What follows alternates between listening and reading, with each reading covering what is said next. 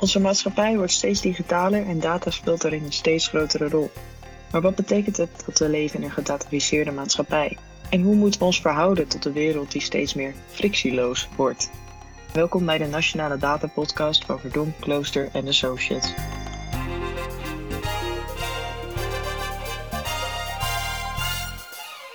Welkom bij de Nationale Data Podcast.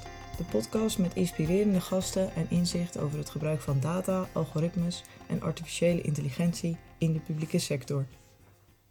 Ik ben Marleen Mulder, adviseur bij VK en ik spreek vandaag met uh, Mirjam Brasch, auteur van uh, boeken Zwemmen in de Oceaan, Frictie en Autonomie en Zelfhulpgids.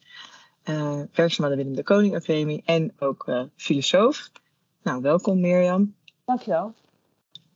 Uh, nou ja, om te beginnen, jouw boek Frictie is waarschijnlijk, denk ik, de meest bekende. Uh, dit boek heeft ook de Socrates-beker gewonnen. Had je dat verwacht? Dat uh, ja, zo dat, zou gaan? Dat, dat, dat is een beetje een gewetensvraag natuurlijk. Want als ik had verwacht dat ik een prijs zou winnen, dan klinkt het alsof ik mezelf heel erg goed vind. Um, maar eerlijk gezegd, toen ik eenmaal was genomineerd, Ehm, en mezelf terugvond tussen ehm, vier andere echt geweldige boeken. Uh, dacht ik wel dat er een grote kans was dat ik zou winnen. Omdat het toch een uh, heel belangrijk onderwerp is. En echt over de actualiteit gaat. Um, ja, en toen had ik ook al zeg maar de goede recensies binnen. Dus, uh, maar ja, ja, voordat je begint met schrijven, vraag je je vooral af of je compleet gestoord bent. Dus uh, toen had ik het nog niet verwacht. En mag ik dan vragen waarom je dat afvraagt? Nou, eh, het is natuurlijk een heel erg filosofisch boek. Uh, Socrates Beker is ook een prijs voor het beste filosofieboek. En wat, wat toch een beetje de aard is van filosofiebedrijven of schrijven, is dat je probeert om daadwerkelijk uh, nieuwe gedachten over een bepaald onderwerp helemaal uit te denken en daarmee een soort van ja, wereld op te bouwen eigenlijk. En ja, ik heb denk ik twee jaar of zo aan het boek geschreven en daarvoor ook nog aan mijn onderzoek gedaan. Op een gegeven moment zit je zo ontzettend in die wereld die je dus aan het creëren bent, die wereld van betekenis, uh, dat het heel erg moeilijk is om daar zelf ook nog echt een soort van uit te stappen. En ja, dan kun je soms het idee krijgen van, ja, slaat het eigenlijk nog wel ergens op? Of is dit gewoon een wereld die ik voor mezelf heb gefabriceerd? En daarom is het heel erg leuk om, als het boek uitkomt, uh, daar natuurlijk uh, positieve reacties op te krijgen. Maar vooral ook heel erg leuk om te praten met mensen die, uh, die ook, zeg maar, dan de wereld binnenstappen en daar hun ideeën over hebben. En ja, te horen of dat uh, resoneert. Dus uh, ik ben heel erg blij geweest met, uh, met de positieve aandacht. Ja, ja, zeker. Dat snap ik. En ook terecht, wat mij betreft. ik heb dus ook het boek gelezen. Ik heb zelf ook een achtergrond in de filosofie. Dus bij mij zaten er ook best wel wat bekende begrippen in. Ja. Ehm, en het is, zoals je zelf zegt, ook echt een filosofisch boek. is dat ook het publiek waarvoor je het hebt geschreven? Of zijn er, wat, welk publiek had je in je hoofd toen je dit aan het schrijven was? Um, nou ja, in de eerste plaats, ik had als een soort van uh, imaginair publiek toen ik aan het schrijven was, mijn studenten voor ogen. Ik werkte toen nog aan de Hogeschool van Amsterdam, dus dat zijn HBO-studenten uh, die, uh, die een minor in de filosofie aan het volgen waren bij mij. Um, en dat, dat is op zich ook wel, ja, kun je dat ook wat breder trekken naar het algemene publiek wat ik ermee voor ogen had. Dus zeker natuurlijk geïnteresseerde mensen die überhaupt een boek zouden oppakken over, over data en ethiek. Maar zeker niet de filosofisch geschoolde mensen alleen maar. Hoewel het natuurlijk best een pittig boek is, dat begrijp ik ook wel. Maar ja, ik heb wel geprobeerd om het, uh, om het ook toegankelijk te maken voor weet je, iedereen heeft te maken met het internet en digitale technologie. En we hebben volgens mij ook allemaal te maken met data, ook al zijn we niet actief uh, zelf er allemaal mee bezig. Dus ja, ik heb wel zoveel mogelijk mensen willen, willen aanspreken. Maar goed, ja, op een bepaald uh, niveau van complexiteit natuurlijk. Maar ja. mijn, mijn HBO-minor-studenten waren dus eigenlijk een heel goed uh, soort proef, proefkonijnpubliek. Hebben ze uiteindelijk ook het boek zeg maar, als onderdeel van de lesstof gehad dan? Uh, ja, ik heb wel dus... hoofdstukken daaruit uh, als lesstof opgegeven, inderdaad. Ja. En dat was ook goed te volgen. Vonden ze leuk om te doen? uh, nou, ze vonden dat wel moeilijk.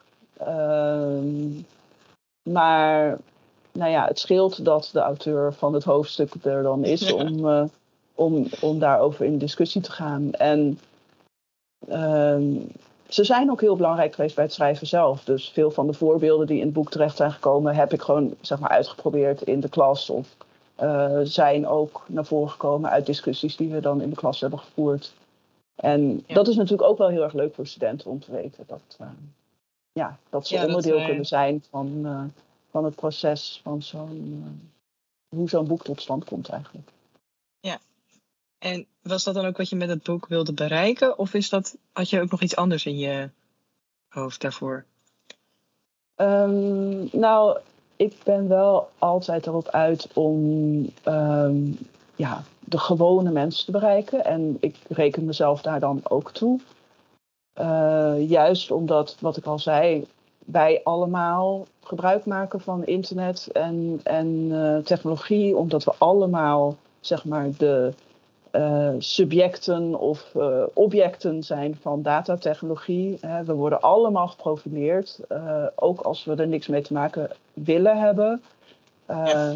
hebben we er iets mee te maken. En ik vind het altijd heel erg belangrijk om een soort van ja, die gewone mensen of de gewone burger ook wat handvatten te geven om daar verder over na te denken en daar misschien een mening over te vormen of een soort ja, begrippen aangereikt te krijgen om, om daar zich toe te verhouden.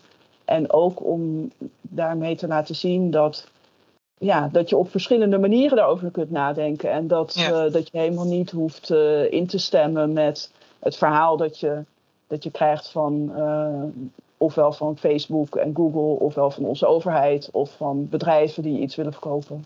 Ja, dus toch een beetje het, het handelingsperspectief van, van ons allen versterken. Dat, dat wil ik eigenlijk altijd en wilde ik ook met dit boek. Ja, is dat ook een thema wat je dus ook in je eerste boek al hebt? Wat je ja, toen ook ja. al had, zeg maar? Ja, ik in ieder geval, ik zag daar wel wat parallellen in ieder ja. geval over ja. dat soort vragen. Ja, en ik denk ook dat uh, een beetje de persoonlijke insteek uh, daar ook bij helpt. Dus ik heb het ook over mezelf, om ook te laten zien van, weet je wel, ik, ik, ik ben ook maar een mens. um, ja. ja. Ja, en dat is ook wat, in ieder geval wat mij ook heel erg opviel, is dat je echt super onderzoekend schrijft, eigenlijk. Mm-hmm. Zeg maar, ik word als lezer echt meegenomen in het onderzoek wat jij zelf aan het doen bent. Um, en dat is denk ik ook best wel bijzonder voor een echt filosofisch boek. Om het zo maar te zeggen. Of in ieder geval de meeste mm. teksten die ik zelf heb moeten lezen, zijn natuurlijk eigenlijk al hey, volledig uitgedachte ideeën. Die dan gepresenteerd worden van dit is de nieuwe waarheid. Uh, dus ja. dat, was, dat vond ik zelf ook heel erg leuk. En ik denk dat het misschien ook wel, nou ja, misschien hoe ik dat dan zie, ook een stukje reflectie is van hoe we nu meer naar de wereld kijken. Een soort van de agile manier van schrijven, om je lezer op die manier een soort van mee te nemen in het, in het onderzoek. Oh ja, ja zo had, ik het, had ik het zelf, zou ik het zelf niet per se formuleren, maar um, het is wel grappig wat je zegt, want het is uh, wel helemaal waar. Maar het kwam bij mij veel meer voort uit Um, nou ja, laten we zeggen, een stelling of een belangrijke uh, boodschap van het boek is uh, dat ik wil laten zien dat uh, data heel erg um, ja, pushy kunnen zijn of heel erg stellig kunnen zijn. En dat een deel van de problemen, als je het hebt over data en ethiek, is dat data een soort van um, te, teweeg brengen dat er een heel duidelijk antwoord uit naar voren komt. En dat is denk ik iets wat een soort fundamentele spanning met een ethische houding oproept. Omdat ethiek voor mij heel erg te maken heeft met uh, twijfelen en discussie en pluralisme en dergelijke. Uh, dus dat, dat was een soort van ontdekking die ik deed tijdens het schrijven. En vervolgens dacht ik van ja, maar ga ik nu dan een boek schrijven wat heel erg stellig en ondubbelzinnig gaat betogen dat we het allemaal uh, zo en zo moeten doen als ik het ja. zeg. Want dan doe ik eigenlijk precies hetzelfde als de dataisten. En dat wil Ja. ik niet. Ik wil, daar, ik, laat, ik wil juist laten zien dat iets anders mogelijk is. En dat je dus ook de twijfel en de nuance en, en eh, dat allemaal in de praktijk kunt brengen zonder dat je, ja, ehm, nou ja, zonder dat je dus heel erg overheersend hoeft te zijn of zo. Dus dat heb ik echt eh, geprobeerd in de vorm ook tot uitdrukking te brengen. En dat is denk ik wat, wat jij dan eh, ook hebt gezien als een soort van de lezer meenemen in het eh, proces. Ehm, en ook zonder hele duidelijke uitkomst of zo. En ik heb ook wel van lezers Ja. gehoord dat ze dat moeilijk vonden. Echt zo van, ja, maar vertel me nou, wat, wat, wat, wat is het nou of zo? Of wat moet ik nou vinden? Of wat is nou het Ja. antwoord? Zo ja, het antwoord is dat je zelf, zelf eh, daarmee bezig moet zijn. Dat, ehm, ja, dat je dus niet klaar bent als je het boek uit hebt, eigenlijk. Nee, nee, en dat ik daar. Dat, dat, dat was voor mij eigenlijk ook helemaal prima. Moet ik eerlijk Ja, zeggen. gelukkig. Want ik dacht, oké, fijn. Nu heeft, heeft iemand heeft dus inderdaad een stuk, nou ja, gewoon ook een stuk achtergrond gegeven voor ook het gevoel wat ik dan van binnen heb. Zeg Ja, maar. ja. Dus ik geloof dat jij ergens in het boek bijvoorbeeld eh, het voorbeeld geeft van dat je dus die cookies accepteren Ja, eh, wordt genoemd. En toen dacht ik, ja, ik accepteer die dingen al niet. Ik ben een fanatieke cookie-weigeraar. oh, wat zeg maar. Ja. ja, toen dacht ik, wow, dit is, dit is dus eigenlijk iets wat al bij mij al gebeurt, waar dan iemand anders ook nog eens een, een, een extra laag op legt. Ja, Eigenlijk. eh, het weigeren van cookies is natuurlijk een, een heel simpel voorbeeld, denk ik, van frictie inbrengen. Want het kost moeite Ja. om cookies te weigeren. En ik weiger ze ook altijd. En ik moet zeggen, ehm, meestal kun je er inmiddels van uitgaan dat als je zegt, eh, als je niet op oké drukt, maar op de andere optie, Ja, dat je dan het goede doet en dat je niet per se alles hoeft door te lopen. Nee. Dus soms ben ik een beetje lui in die zin. Dan dan klik ik in ieder geval op nee, bevestig mijn voorkeuren. Ervan uitgaande Ja. dat die dan al weigeren staan. Maar dan nog is het natuurlijk niet doen wat het eh, design of het ontwerp of het Ja. systeem eh, van jou verlangt wat je doet. Want het is altijd overduidelijk dat de bedoeling is dat je op oké op oké drukt. Dus dat is eigenlijk een hele makkelijke manier van eh, frictie beoefenen. ja. Ja, dat klopt inderdaad. Maar voor de, de mensen die hier naar luisteren, die hebben misschien niet het boek Frictie gelezen. Ja. Dus even, even, even terug. Ehm, wat ik zou zeggen dat je boek leest als een pleidooi dat een gladde wereld, dus een frictieloze wereld, eh, eigenlijk niet kan of zou moeten bestaan. Dat is misschien nog even een vraag aan jou. Eh, en kan je daar dan ook iets over vertellen? Ja, nou, ik, ik denk dat die voor een heel groot gedeelte wel eh, kan bestaan. En ehm, het, nou ja, het, dat be- begrip frictie heeft verschillende betekenissen, denk ik, ook in de ontwikkeling van digitale technologie. En ik denk de meest bekende betekenis eh, heeft te maken met webwinkels en e-commerce en dat soort dingen. En dat het daar gewoon heel erg belangrijk is om alle frictie uit het bestel- en betaalproces te halen. Want zodra de frictie optreedt als je iets aan het bestellen bent, dan is die klant weg en dan verkoop je het dus niet. Ja. Ehm, dus dat is allemaal heel erg begrijpelijk. Een andere eh, oorsprong van het begrip gaat er wat verder terug, naar meer de jaren 80, 90. Ehm, waar eh frictieloos ontwerp ook een soort ideaal gold. Eh, eigenlijk ten dienste van degene die de technologie moest gebruiken. Dus dat je tussen verschillende apparaten eh, vrij makkelijk moest kunnen schakelen. eh, zodat verschillende computersystemen op elkaar aansluiten. Wat op zich ook heel aanbevelenswaardig klinkt. Maar ik denk dat die idealen zijn, ja, zijn zo dwingend en groots geworden. Dat eigenlijk kun je het nu herkennen in ja, allerlei verschillende processen. En niet alleen bedrijfsprocessen of economische processen of computerprocessen. Maar die frictieloosheid gaat ook, wordt ook toegepast op onze eh, communicatie bijvoorbeeld. Of de onderlinge menselijke relaties op een digitaal platform. Eh, als je bijvoorbeeld kijkt, nou, daar schrijf ik ook over in het boek, eh, hoe bijvoorbeeld eh, bedrijven zoals eh, Uber of Airbnb, hoe die ehm, zeg maar praten over het proces wat zich daar afspeelt tussen nou ja, wat dan heel mooi wordt voorgesteld, hè, menselijke verbinding. Want ik, ik bied mijn huis aan en iemand eh, kan dan bij mij nou ja, in, mijn, in mijn huis logeren als ik er niet ben. En dat is allemaal heel goed voor de verbinding en de community en zo. Maar het wordt ook gepresenteerd door te verwijzen naar frictieloosheid. Dat de communicatie tussen mij en de potentiële klant moet vooral geen frictie opwerpen.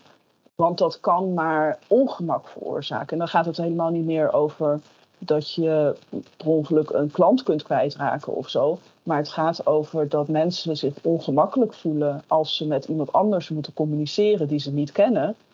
Ehm, en dat elke vorm van ongemak voelen slecht afstraalt op een platform. En dan begin je dus te zien dat een soort van hele ja, basic menselijke interacties uh, worden onderworpen eigenlijk aan een bepaald systeem. Um, nou, dat is nog tot daar aan toe. Maar vervolgens um, zorgt die frictieloosheid ervoor dat, ja, dat, dat eigenlijk al onze eigen keuzes of manieren van doen, die worden weggeautomatiseerd. En dan lijkt het alsof we helemaal geen keuze meer hoeven te maken. En dat is dan misschien ook wel zo. Maar wat er eigenlijk gebeurt is dat de keuze al gemaakt is voor ons. Ja. En eh, dus dat is een beetje mijn, uh, um, nou ja, mijn uiteindelijke interpretatie van frictieloosheid. Is dat, dat dat enorm ideologisch gedreven is in feite. En dat daar heel veel keuzes in geprogrammeerd zitten die we zelf niet hebben gemaakt. Maar die nou ja, de mensen in Silicon Valley, om maar even dat containerbegrip te gebruiken, voor ons hebben gemaakt. En dat kan hartstikke fijn zijn als je enigszins verwant bent aan, uh, uh, aan die programmeurs. Maar ja, er zijn allerlei momenten of uh, plekken of, of, of ja, instanties waarbij, waarbij jij misschien net degene bent die, die liever een andere keuze had gemaakt. En dan um, ja, dan, dan trek je aan het kortste eind in feite. Ja.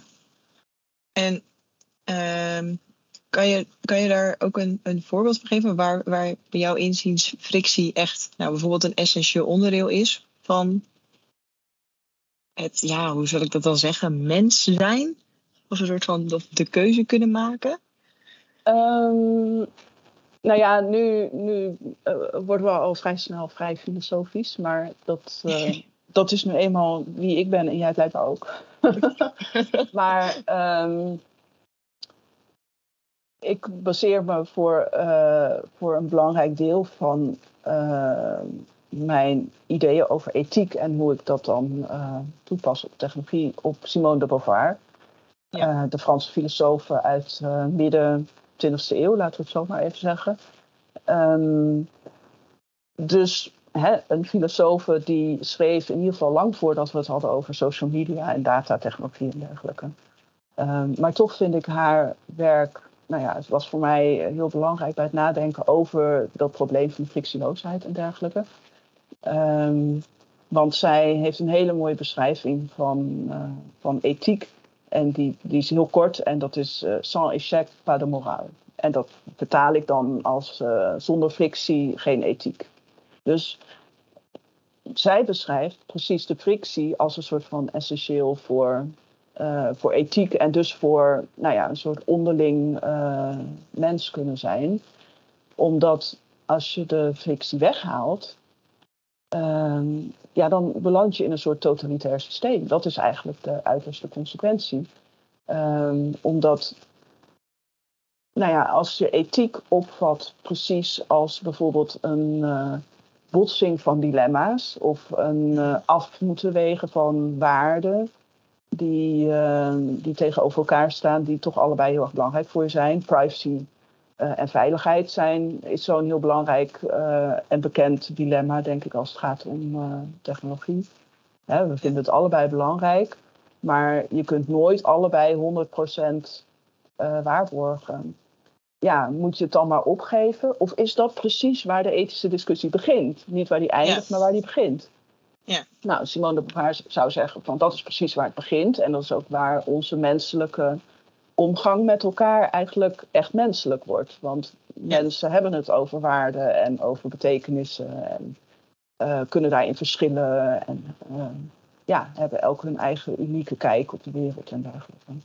Dus uh, ik leen dat, dat idee dat frictie heel erg belangrijk is voor ethiek eigenlijk van Simone de Beauvoir en dat past het dan toe op, ja, op die drang tot frictieloosheid. Ja. Dat is ja, ja, goed. Dat is misschien ook heel filosofisch, maar tegelijkertijd denk ik ook heel herkenbaar voor mensen. Dat het inderdaad, het wordt, het, het wordt ook een beetje ongemakkelijk als je moet kiezen in zo'n dilemma. Zeg maar. Ja, en ik denk, nou ja, mijn boek kwam uit uh, eigenlijk midden in de eerste lockdown, dus in mei uh, 2020. Uh, dus uh, het hele woord corona komt er niet in voor. Nee. um, dat is echt afgerond voordat, uh, voordat het allemaal losbarstte met de pandemie.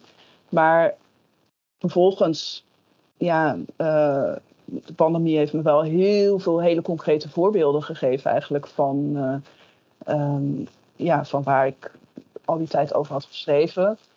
En dan vooral als het gaat om uh, cijfers. Dus dat is natuurlijk een soort van een vorm van data, misschien of data, een vorm van cijfers.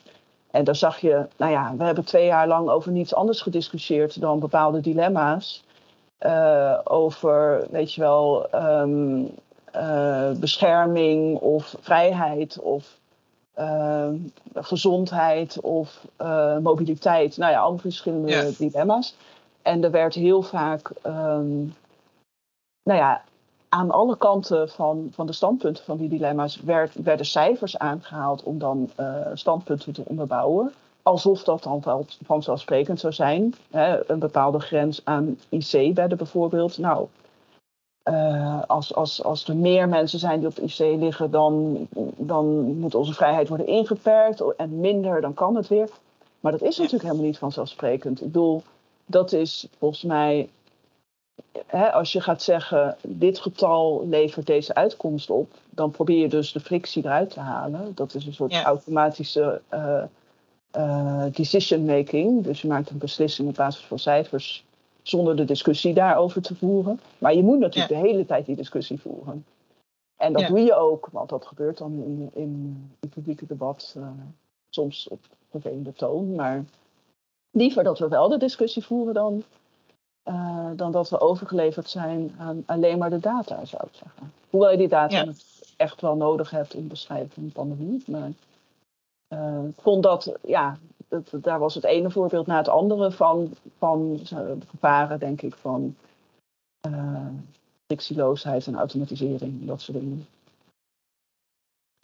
Heb je dan het gevoel dat in dat debat ook die, die data ook het, het, soort, het, het, dilemma al opgelost had? Of dat we daar dan alsnog, ondanks de data, een gesprek over hebben gevoerd de afgelopen twee jaar? Mm, dan wel... Nou ja, allebei. Je zag heel erg die wens om uh, met data een oplossing te hebben. Want dat is natuurlijk ook iets wat data doen. Die geeft een soort van idee van controle. En daarom dat hè, als je daar eenmaal mee begint, dan moet je ook steeds meer data verzamelen, omdat die controle is nooit compleet. En je data is ook nooit compleet. En hè, dus daardoor ontstaat ook die drang om steeds meer data bij elkaar te schrapen. Want dan, dan denk je van hoe meer, hoe meer data, hoe meer controle. En dat is een soort illusie. En ik denk dat we daar collectief achter zijn gekomen ook. Uh, dat je nooit, hoeveel data je hebt, je hebt nooit een pandemie onder controle. Hè? Je hebt alleen misschien inzicht en je kunt beter geïnformeerde beslissingen nemen of zo. Maar uiteindelijk moet je toch met elkaar allemaal maar zien te rooien. Dus het gesprek is denk ik wel steeds gevoerd. Dat had misschien wat beter uh, uh, gefaciliteerd kunnen worden. Maar ja. ja. Tegelijkertijd, ja, we hadden het ook met z'n allen nog niet meegemaakt. Dus, uh...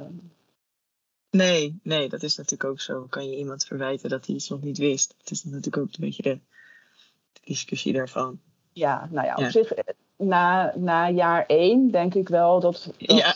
uh, de overheid vooral het op een andere manier had kunnen aanpakken. Want toen kon je niet meer zeggen, we hebben dit nooit meer mee- nog nooit meegemaakt. Toen hadden we het allemaal al een keer meegemaakt. Dus uh, we hebben nog wel wat te leren. Hè?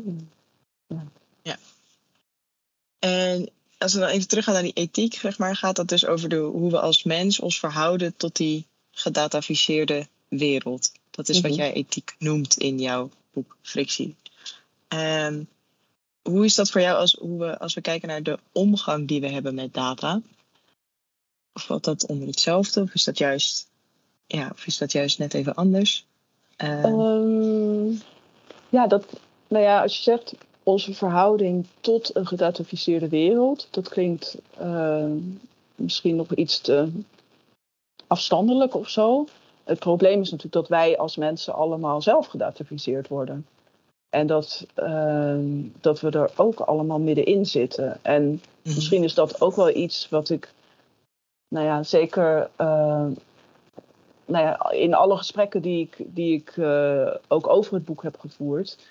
eh, ik hoop heel erg dat mensen die met data werken, eh, ook dat inzicht hebben dat, ehm, dat het niet een gedataficeerde wereld is waar ze een soort van tegenover staan. Maar dat het gaat om de datificatie van mensen en van relaties van mensen. En ook van hunzelf. Alleen zijn zij dan niet degene die op dat moment het eh, onderwerp van, eh, eh, van die datificatie zijn of zo. Dus ehm, die, ja, die. Je kunt eigenlijk niet losstappen uit de da- datificatie. Hè? Dus dat is een beetje dat hyperobject. Het zit overal om ons heen. We zijn er zelf ook onderdeel van. En ik denk dat het heel erg belangrijk is, ook als je concreet kijkt naar van hoe kunnen we anders omgaan met data. Ehm, er wordt ook vaak gesproken inderdaad over privacy of eh, burgers moeten hun data in bezit hebben. Ja, ik denk dat als je eenmaal inziet dat eh, data altijd eh, aan elkaar verbonden zijn. En dat je dus Mhm. nooit, mijn data zijn nooit alleen maar mijn data. Zijn ook altijd die van jou. Ik bedoel, wij hebben nu een online gesprek. Daardoor Ja. zijn allerlei data over ons nu aan elkaar verbonden. Dat waren Ja. al door alle e-mails. Maar, hè, en dat, dat maakt het weer interessant. Want nu zit ik namelijk op mijn werkcomputer met jou te praten. En voorheen zat ik op mijn privécomputer met jou te e-mailen. En daar gaan dan natuurlijk, er komen allemaal nieuwe datapunten bij, alleen al daardoor. En dan kan ik wel zeggen dat ik dat in bezit wil hebben, maar dan heb ik in feite nog altijd ook data van jou in bezit. Dus Ja. denk die, eh, ja, dat besef dat data altijd een eh, ecologie zijn of relationeel zijn. En dat je, ja, dat je daar dus niet van een afstandje naar kunt kijken. Dat zou ik al heel belangrijk vinden als een soort eh, ja, startpunt van, van omgaan met data. En, en natuurlijk het besef dat het mensen zijn. Hè? Dus dat is net als met eh, het andere grote voorbeeld wat in de afgelopen twee jaar naar voren is gekomen, is natuurlijk de toeslagenaffaire. Ja. Ehm, ja. Hè, als je daarover leest of over hoort, dan klinkt het toch alsof het besef dat het gaat over mensen pas heel laat is ingedaald. Dus het is makkelijk om te praten over algoritmes en data en, Ja. ehm, en zelfs over ethiek. Maar als je vervolgens achteraf alle, al het leed en, eh, en lijden hoort wat, eh, wat die mensen is aangedaan, ja, dan had misschien wat eerder het besef moeten zijn dat je het hebt over, eh, over je eigen medeburgers. En is dat dan wat jou betreft wat data-ethiek is? Ja. Wat, zeg maar, wat even als, als context wat wij natuurlijk vaak horen is van ja, we willen verantwoord met data omgaan. eh, we, willen, we, we willen dat onze data ethisch is. Of we willen, eh, we hebben het over digital ethics. We hebben het over de, ja, zoals de Ja. digital decade vanuit de EU, zeg maar, waar ook ethiek een onderdeel van is. Ehm, ja, maar het lijkt dus ook alsof er nog niet een, een, een klare definitie is van waar data-ethiek nou over gaat. Nee, nou ja, ik, ik weet ook niet of data-ethiek. ehm, ik heb het zelf over ethiek in tijden van data. Hè, dus ik denk Ja. van ja, e- ethiek eh, is een soort eh, houding. Of ehm, je kunt filosofisch eh, nadenken over ethische principes en dergelijke. En die kun je vervolgens toepassen op een onderwerp zoals data. Maar Ja. ja, wat data-ethiek. ik zei al van. ehm, uh, volgens mij staan data en ethiek op een best wel gespannen voet met elkaar. Omdat, uh, nou ja, in ieder geval als je ethiek ziet als, als iets wat gaat over um, ja, de botsing van waarden en uh, een soort van confrontatie met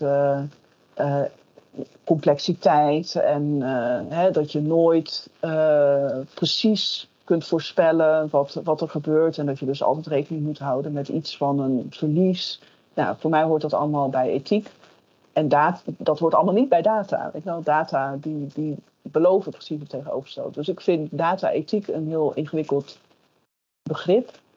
Um, ja, ik, ik, zou, ik zou ook, maar dat is ook wat ik met het boek misschien heb geprobeerd te bereiken.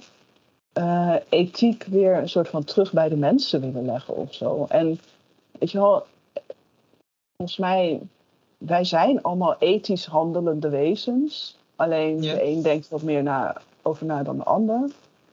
Um, en als je omgaat met data of daarmee werkt of zo, dan is het jouw uh, ethische handelswijze die ertoe doet. En niet per se iets in die data of zo. Terwijl het natuurlijk belangrijk is om voor, algoritmische vooroordelen, en dat kunnen we allemaal Um, dat zijn allemaal hele praktische, ethische uh, dingen die je kunt aanpakken. Maar het begint toch bij de mens die zich vragen moet stellen als in, uh, weet je wel, ga ik iemand uh, beschuldigen van fraude op basis van deze dataset? Weet je. Ook als de dataset helemaal compleet is, kun je een vraag stellen bij, bij zo'n doel. Of, nou ja, dus ik vind, ik vind data-ethiek een beetje ingewikkeld. Dat snap ik. Ik denk dat dat een gedeelde, een gedeelde ingewikkeldheid is. Als je dan zegt van het, het, gaat om die mensen die, die met die data werken, die, dan een, die daar dan alsnog een ethische vraag bij moeten stellen. Heb je het dan over zeg maar de data scientists of nee, laten we zeggen de data professionals die daarmee aan het werk zijn? Um, ja, ook. Um, maar naar mijn ervaring zijn, um, zijn heel veel mensen die echt daadwerkelijk bijvoorbeeld als uh, data scientist letterlijk met de data werken, die zijn zich heel erg bewust van de beperkingen daarvan en uh, dat het allemaal niet precies doet wat, wat in de uh, in de mooie verhalen van de tech-industrie of van de overheid beloofd wordt. Uh, en het zijn eigenlijk, denk ik, vooral de mensen die bijvoorbeeld een opdracht geven aan de data, of hè, de beleidsmakers, of de overheidsdienaren, of de schoolbesturen, ik zeg maar iets. Ja. Die, die zich dat soort vragen misschien wat meer moeten stellen. Ja, ja dat, en, is, dat is ja ja, de, dat, is, dat is denk ik wel een herkenbare discussie ook. Want er zijn dus organisaties die zeggen, ja, dat is gewoon, de data scientist begrijpt wat die aan het doen is. Dus die moet mij vertellen of ik wel of niet het ethisch goede aan het doen ben. Uh, is wel een veel gehoord argument. Maar dat is echt afschuiven dus van verantwoordelijkheid. nou ja, goed, ik zou het daarmee eens zijn in ieder geval. Maar het is dus ook een vraag over het eigenaarschap van wie is nou, zeg maar, die uitkomst van die data. Ja. Komt die van die data scientist af of komt dat bij iemand anders terecht? Ja. Uh, wat dan weer een, een discussie is die sowieso nog veel gevoerd wordt over data-eigenaarschap. Uh, dus ja, nee, goed, ik vind het ook een, ik vind het ook een, een lastige. Uh, ja, dat dus is die... ook heel erg lastig. Maar dat is ook. Uh, dan maak ik het weer veel groter en, uh, en abstracter misschien. Maar Weet je wel, dat is ook een beetje de maatschappij waar we in zitten. Dus wie neemt verantwoordelijkheid voor bepaalde beslissingen? Of mm -hmm. uh, data zijn ook tegelijkertijd een handig instrument om daar de verantwoordelijkheid op af te schuiven. Hè? Dus ik denk dat daarom het werken met data ook heel uh, populair is. Of uh, ja, dat mensen het heel fijn vinden, want het geeft een bepaald antwoord op een vraag. Uh, nou ja, de computer zegt het. Hè? Dus inderdaad, wie heeft de verantwoordelijkheid over de uitkomst? ehm, als, als het uit de data komt, dan, dan, dan wordt dat heel onduidelijk. En dan, dan ja, de computer heeft een verantwoordelijkheid. Maar dat, dat werkt natuurlijk niet zo. Want uh, we kunnen, dat is het probleem met zo'n ethisch begrip als verantwoordelijkheid. Want verantwoordelijkheid, dat, dat gaat over ethiek. Uh, Dat kun je niet toewijzen aan een computer. Dat blijft iets van mensen. En ja, dan heb je weer zo'n zo'n sturend uh, iets tussen data en ethiek. Of tussen computers en, en ethiek. Uiteindelijk zullen de mensen de ethische verantwoordelijkheid moeten nemen. Ja. En, en wat zou daar dan een, een eerste concrete stap voor kunnen zijn, bijvoorbeeld? Nou, stel ik ben, uh, ben je werken bij een gemeente en ik werk dus met allerlei uh, data. Wat, uh, wat zou je dan, dan zeggen? Wat, wat, wat, kunnen, wat kan iemand doen als eerste ethische stap? Um, nou, ik heb het in mijn boek uh, natuurlijk ook over uh, de-automatisering als een concept. Mm. En um, ik denk dat dat, nou ja, voor mij is dat tegelijkertijd abstract en concreet. Want um, het is natuurlijk ook gewoon een beetje grappig bedoeld. Uh, iedereen heeft het over automatisering en dan ja. heb ik het over de-automatisering. En bovendien is de-automatisering een, een, een, begrip uit de kunst. Dus dat, dat vind ik dan extra leuk. Ja. Maar um, in de kunst betekent het in feite dat hè, als kunst de-automatiseert, dan zie je opeens de wereld opnieuw. Dus alles waar je gedachteloos aan voorbij gaat, omdat je, omdat je het allemaal al kent, uh, kunst kan je ineens weer ogen openen en dan zie je opeens weer van, jeetje, dit is hoe een stoel eruit ziet bijvoorbeeld.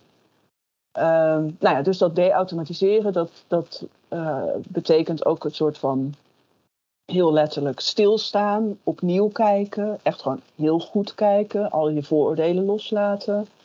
Uh, misschien daar ook een gesprek over aangaan.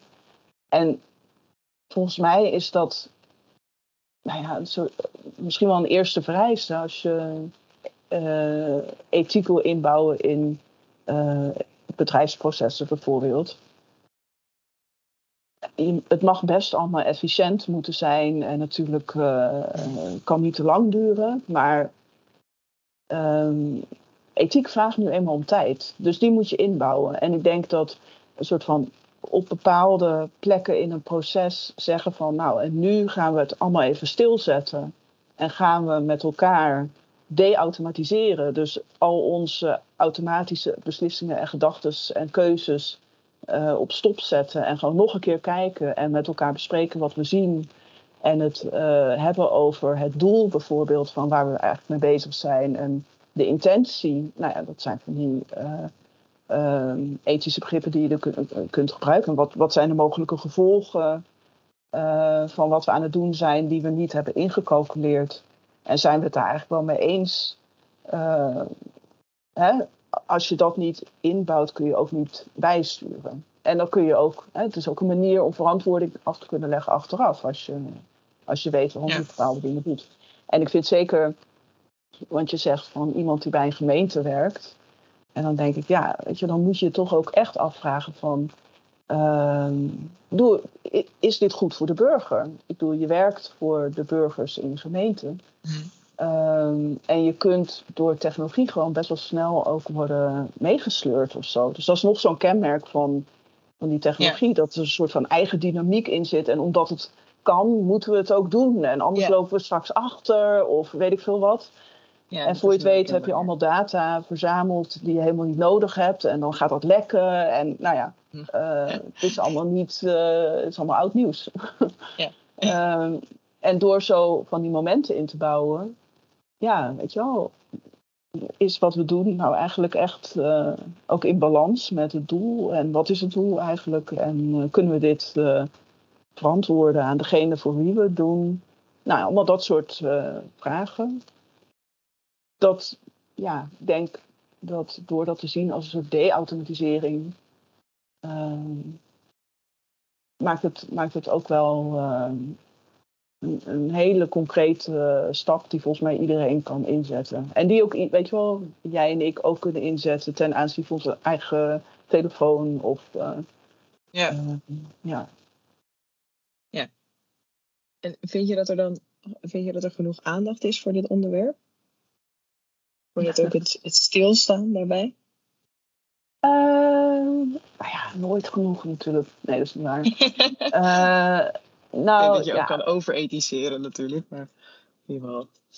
Ja, nou ja, ik moet zeggen, er is in ieder geval veel en veel meer aandacht dan uh, toen ik begon met schrijven, bijvoorbeeld aan het boek of ten tijde van het verschijnen van mijn eerste boek in 2017. Uh, toen moest ik echt nog uitleggen, wel ook, weet je wel, van uh, waarom zou je er tegen zijn en wat is nou eigenlijk het probleem van Facebook? is toch gewoon hartstikke gezellig daar. En Ja. inmiddels weet iedereen wel dat er keerzijden zijn aan uh, technologie. Um, alleen, ja, het lijkt nog steeds heel erg moeilijk om er daadwerkelijk wat aan te doen. Of om, om die uh, inzichten om te zetten in acties. Dus uh, er mag nog wel wat meer aandacht voor zijn in de zin van. Uh,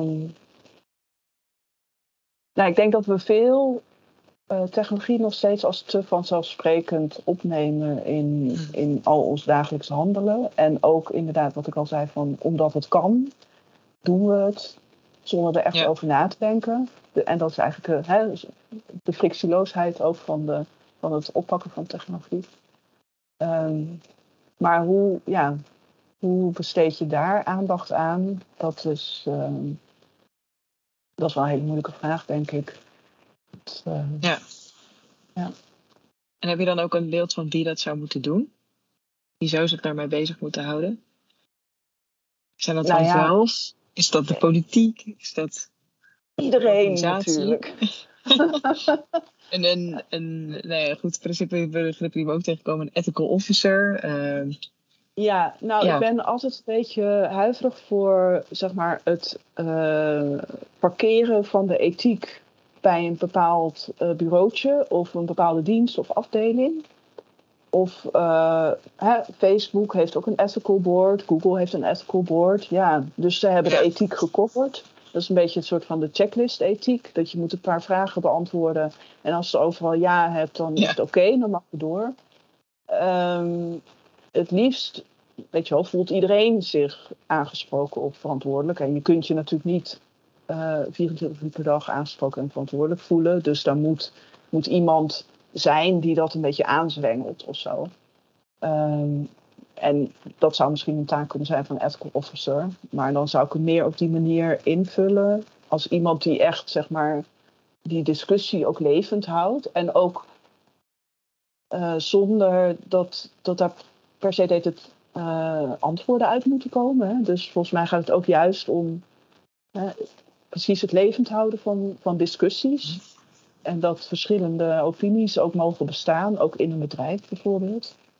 Ehm, ja, dan dat je dat elk project een soort van aanhangsel moet hebben met eh, dit is onze ethische eh, checklist. dat is denk ik het grote gevaar van ethiek. Überhaupt op dit, eh, en de aandacht die ervoor is.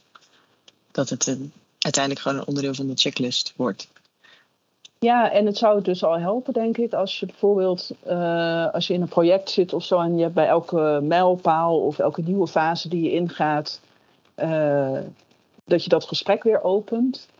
Nou, dat, dat, dat zou mij meer aanstaan inderdaad dan, eh, dan een checklist of een, de afdeling ethiek die ook nog even het plan bekijkt en, en de handtekeningen eronder zet. Ja, dus dat is meer ethiek in het werkproces integreren, eigenlijk. En bij alle werknemers. En dus niet alleen bij iemand die, uh, die daar specifiek voor is aangesteld. Maar goed, hè, dat is mijn, mijn droom als, als ethicus. Dat iedereen een beetje een ethicus wordt. Ja, maar, ja. dat is herkenbaar, maar... ja. ja, mens mag dromen, toch? Ja, zeker. Zeker, wat mij betreft wel. Uh, dan heb ik eigenlijk nog één vraag voor jou. Uh, voor uh, mensen die daar helemaal niets van ethiek weten en denken, nou, dat klinkt eigenlijk wel interessant, wat deze twee filosofen met elkaar heel abstract lopen te bespreken. Uh, wat zouden dan de eerste stappen kunnen zijn die iemand kan doen? Behalve natuurlijk frictie lezen. Dat is... Ja, nou, of misschien eerst beginnen met uh, mijn laatste boek, Autonomie en zelfhulp, iets dunner en iets toegepaster allemaal. En heel grappig ook. En gaat, oh, dankjewel. En ja, gaat, ik heb gaat echt... ook over ethiek. Want autonomie is natuurlijk uh, een soort van de basis van, van alle ethiek. Um, nou ja, wat ik vaak wel uh, heb uh, gezegd tegen studenten, bijvoorbeeld ook als opdracht. Uh, als je een beetje ja, gewoon inzicht wil krijgen in data en hoe je zelf gedatafiseerd wordt, is, is een data selfie maken, zo noem ik dat dan. Gewoon op zoek gaan naar, naar alle data die van jou beschikbaar is. En ik moet zeggen, ik zit zelf al heel lang niet meer op Facebook, maar uh, je kunt bijvoorbeeld ook op Facebook, als je echt, je kunt echt vrij diep in de krochten van je, van je instellingen duiken en, en dus erachter komen op welke manier jij uh, geprofileerd bent door hen en, en dus verkocht wordt aan adverteerders. En dat is een eerste soort van misschien de-automatisering ook, waardoor je even opnieuw ziet van, oh, dit is wat ze eigenlijk doen en dit is hoe zij mij beschrijven. En ben ik het daar eigenlijk mee eens? En waar komt dat vandaan? En ja, het is gewoon een hele, uh, ja, ook wel een huiveringwekkende, maar ook grappige oefening om te doen. Net als jezelf ja. googelen. Uh, ja. oh, wat, uh, wat zie je dan eigenlijk allemaal? En hoe, hoe zou een buitenstaander jou, jou dan inschatten op basis daarvan? En dan niet dat allemaal willen repareren, maar het gewoon in ogenschouw nemen. Ja, oké. Okay. Dat is zeker een hele leuke tip. Uh, dankjewel. Dan zijn we denk ik aan het eind van onze podcast gekomen. Ik vond het in ieder geval een heel leuk gesprek. Ja, ging snel. Ja.